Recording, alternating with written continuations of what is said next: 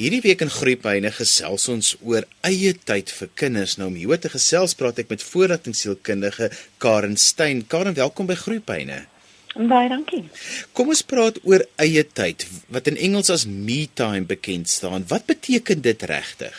Om eie tyd te hê is baie belangrik vir enige persoon, uh, jonk of oud, om alleen tyd met jouself te kan spandeer.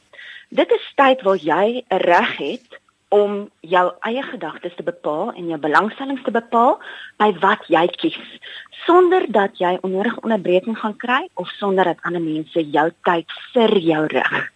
So jy bestuur jou eie vrede en jou eie tyd op daai oomblik. Nou vir baie mense is eie tyd 'n baie interessante konsep want vir baie mense is dit vreesaanjaend om niks te doen op jou eie tyd nie en vir ander mense is dit weer iets wat hulle net na smag.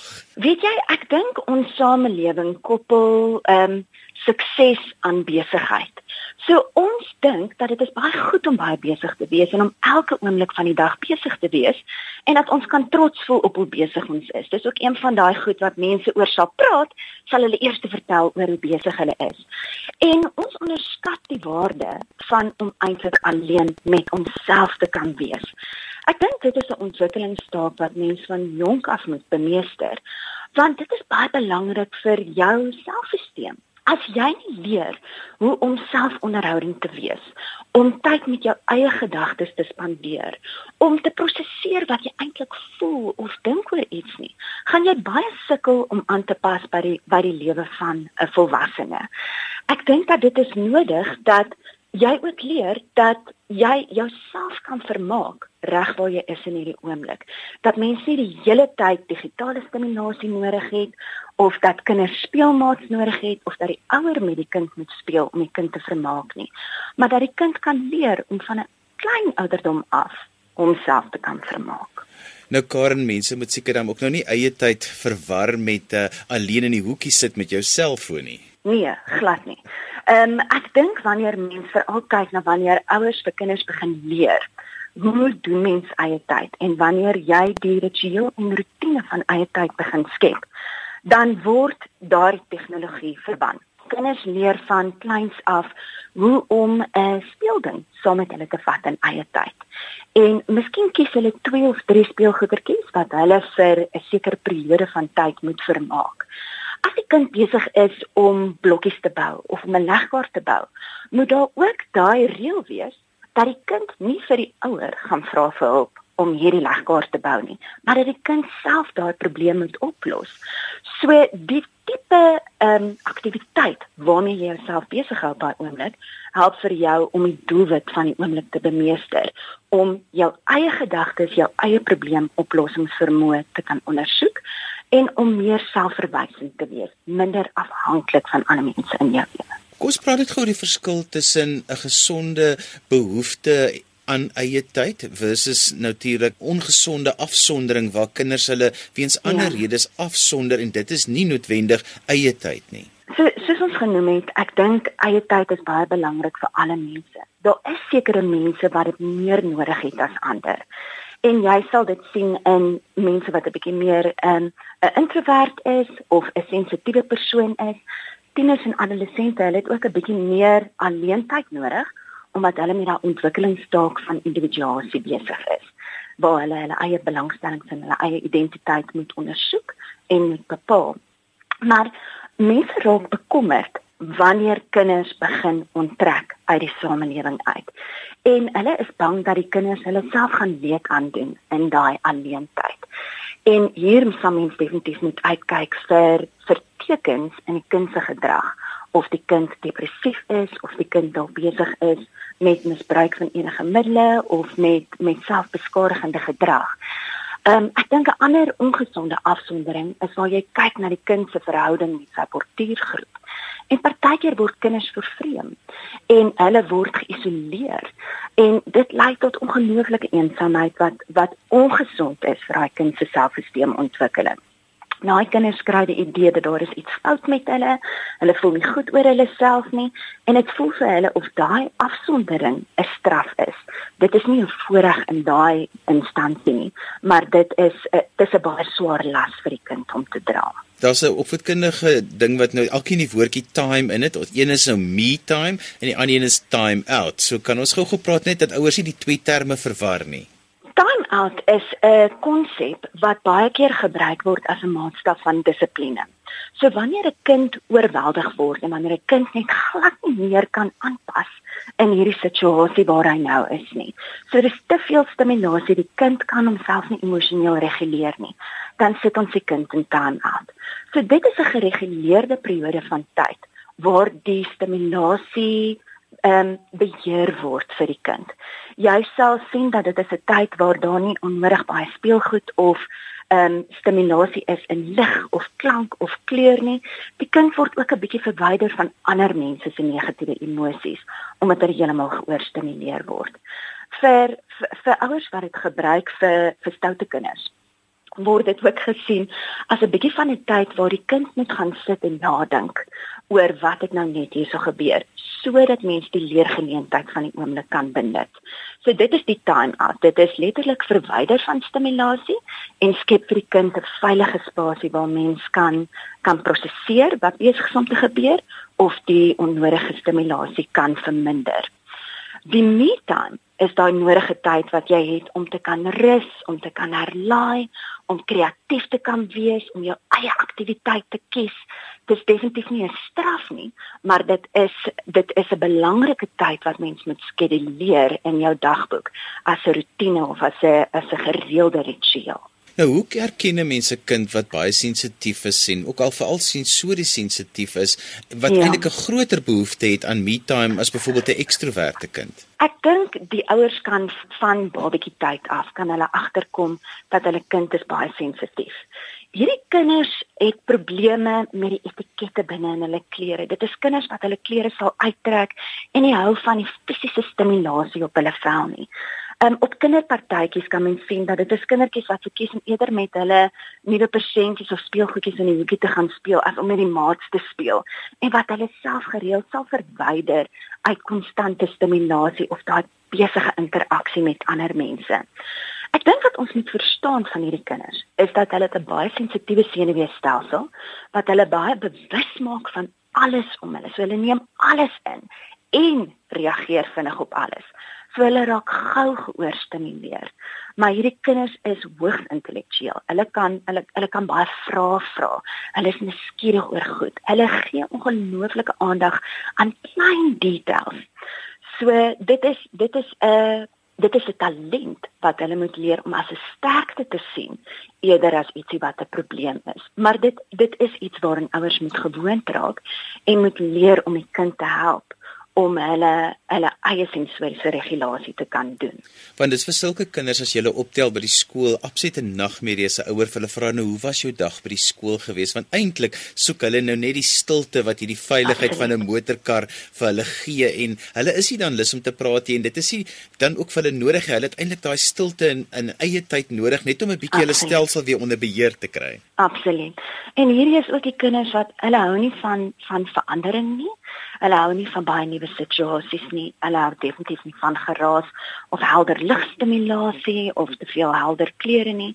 So mense moet kan respekteer dat daai stilte tyd is noodsaaklik vir hierdie kinders en dat mense nie die konstante interaksie hulle moet bombardeer nie, maar vir hulle die geleentheid gee om te kan engage met hulle omgewing. So wanneer moet 'n ouer bekommerd raak as 'n kind te lank agter 'n geslote deur deurbring? Ons weet tieners doen dit so klein bietjie langer en hulle het meer sulke tyd nodig, maar ouers ja. is tog bekommerd veral ook jou en dan natuurlik praat ons nog van jou helikopter ouer ook daardie absolute ja. kontrolfreak ouers. Ja.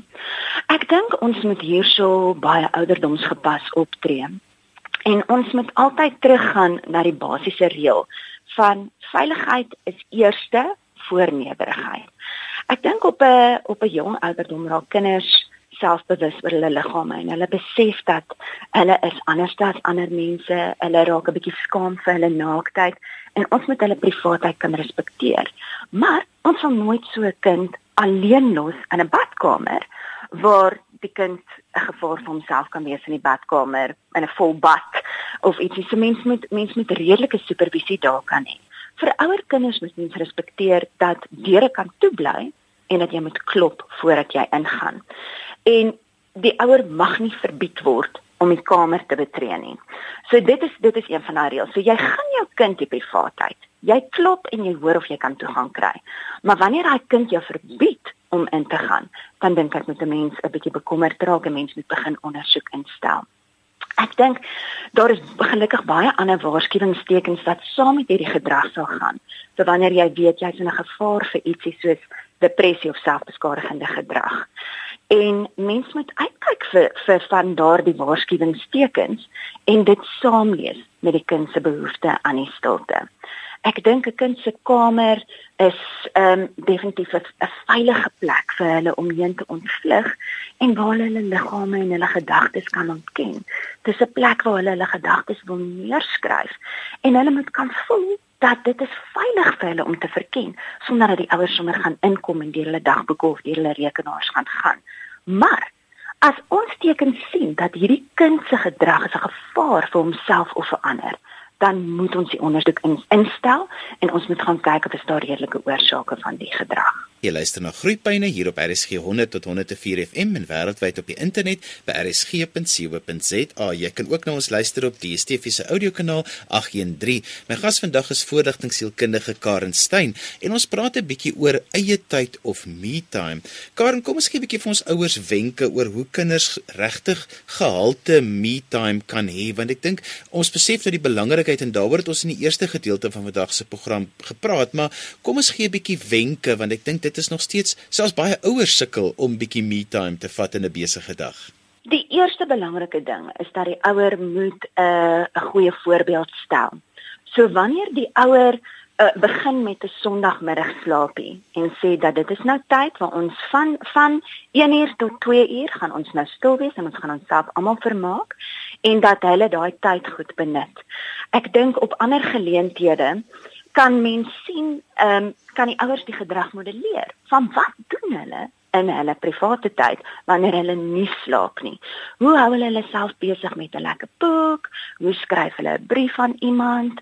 Ehm um, hoe bestudeer hulle nuwe resepte? Ietsie wat interessant en lekker is waarmee jy jouself kan kan besig hou. Van kleintyd af kan ouers hul kinders ook gewoond maak aan die die natuurlike pauses vir eie tyd wat daar plaasvind in 'n gewone dag. Klein kindertjies het nog nog slaaptyd in die oggend of in die middag. En as mens vir die kindjie leer om 'n paar minute voor slaaptyd en 'n paar minute na slaaptyd homself met 'n speelding besig te hou. 'n 'n 'n gunsteling sagte speelding dalk bed te vat of 'n klein boekie bed te vat, dan raak dit deel van hulle gewoonte dat net wanneer mens al reeds natuurlik rustig raak, dat jy dit met 'n klein aktiwiteitjie assosieer om jouself te kan vermaak. Ek dink ouers kan ook wanneer daai Petertjie wakker word van die slaapie, nie te vinnig spring om die kind op te tel en weer besig te hou nie, maar die kind toelaat om net daai bietjie alleen tyd te kan geniet op hulle eie leer om hulle self te kalmeer, leer om met met hulle self te kan speel. Ek dink verder wanneer jy met 'n ouer kind sit wat nie wil slaap in daai alleen tyd nie, wil mens vir die kind leer wat doen jy in daai tyd deur hulle te help om 'n aktiwiteit uit te kies dit maak dit definitief makliker as die ouers 'n kas vol speelgoed of 'n kas vol kreatiewe ehm um, kunsies het wat die kind kan ietsie uitkies om in daai vrye tyd te te gebruik. Miskien 'n legkaart, miskien ietsie soos die sandkuns wat hulle doen, 'n inkleurboek met ehm um, lekker pastelle. Ehm um, so kies twee of drie goedertjies en die ouer kan die kind help om ietsie te kies wat hulle vir daai tyd kan besig hou. Ek dink mens moet ook nie die die buitekant onderskat nie en wanneer dit 'n lekker sonnige dag is dat mens vir die kinders kan toestemming gee om buitekant te speel waar hulle daai tyd van verkenning en ontdekking kan geniet. Ek dink om ook vir kinders te help vir alles mens kyk na wanneer jy op vakansie is of wanneer jy in 'n klein spasie is of wanneer dit 'n reendag is en jy in die huis gekeer is om in 'n geïdentifiseerde plek te kan bly. So miskien speel die kind vandag in die slaapkamer, miskien speel hy môre in die leefkamer of uh, 'n bietjie in die studeerkamer of by die boekrak. En um, dat mens verskillende spasies kry waar elke kind sy eie geleentheid kan kry sonder die onnodige inmenging van van die ander sibbe om. Karen, leer ek vir my kinders om my as pappa of mamma se me time te respekteer want kinders is so gewoond dat stimulasie is 24 uur van die dag beskikbaar en dis vir hulle moeilik om te verstaan dat pappa en mamma ook op hulle eie bietjie me time of eie tyd nodig het en dit is ook gesond vir pappa en mamma om daardie me time daarom ook te te neem. Ja, ja. En weet jy Johan, dit is nou weer een van daai waar um, rutine gaan die kind help om hierdie taak te bemeester.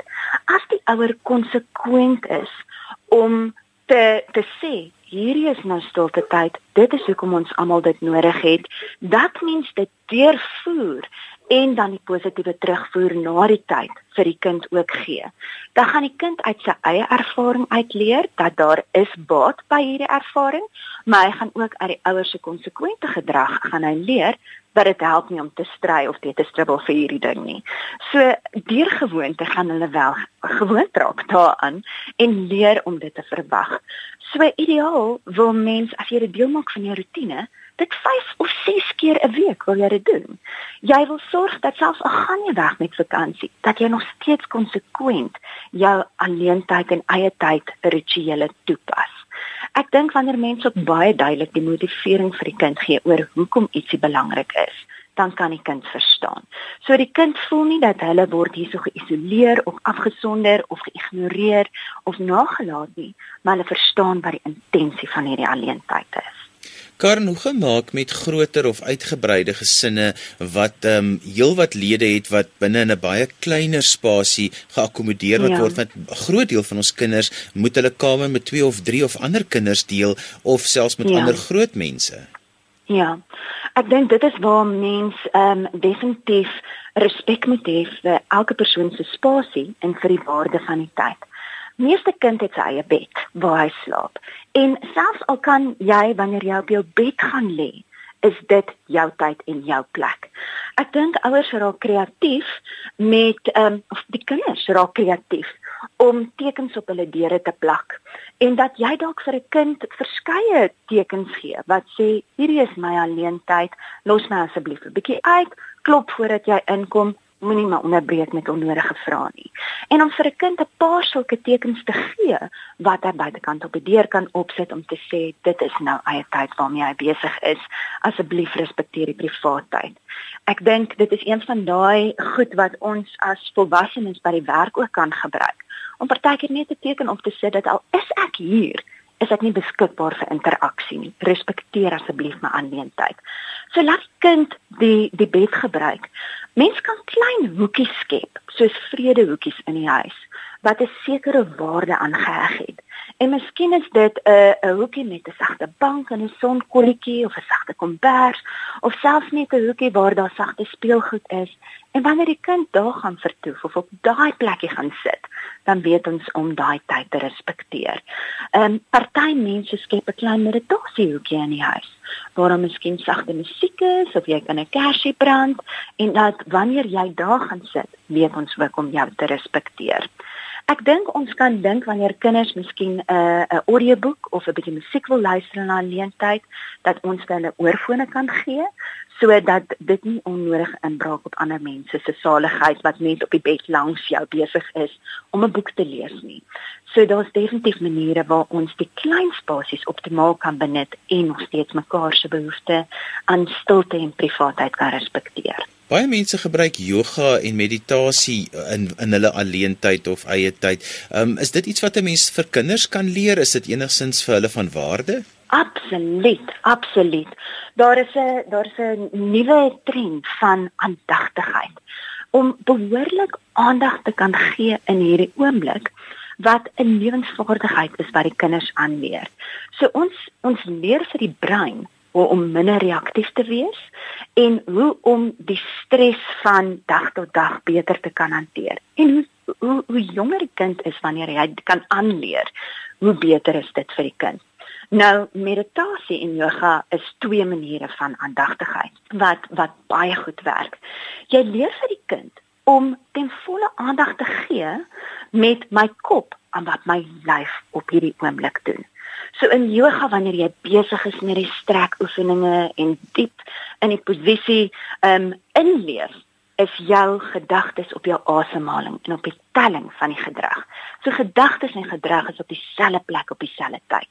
Maar ons kan daai selfde wysheid gebruik um, oral waar ons is. As jy dink die familie sit vanaand vir ete aan, kan ons stil wees terwyl ons eet en ons kan fokus op hoeveel keer kou ek my kos hoe proe die kos in verskillende dele van my mond of op verskillende dele van my tong.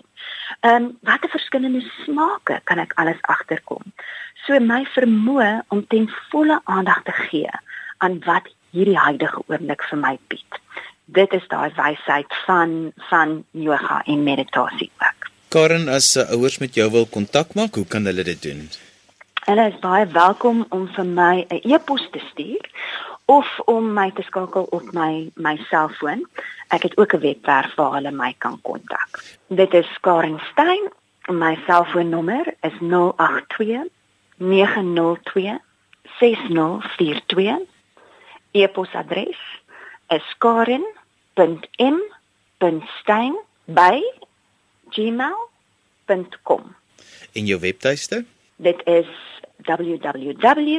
www.freechildcompany.com daarmee het ons aan die einde gekom van vandag se program. Onthou jy kan weer na vandag se program luister as 'n pot gooi. Laai dit af by rsg.co.za. Ons onderwerp vandag was 'n bietjie om te gesels oor vrye tyd, eie tyd en me time soos wat ons dit in die Engels daarna verwys. My gas was voorlatingsielkundige Karen Stein. Skryf gerus my e-pos by groeipyne by rsg.co.za. daarmee groet ek dan vir vandag tot volgende keer van my Johan van Lille. Totsiens.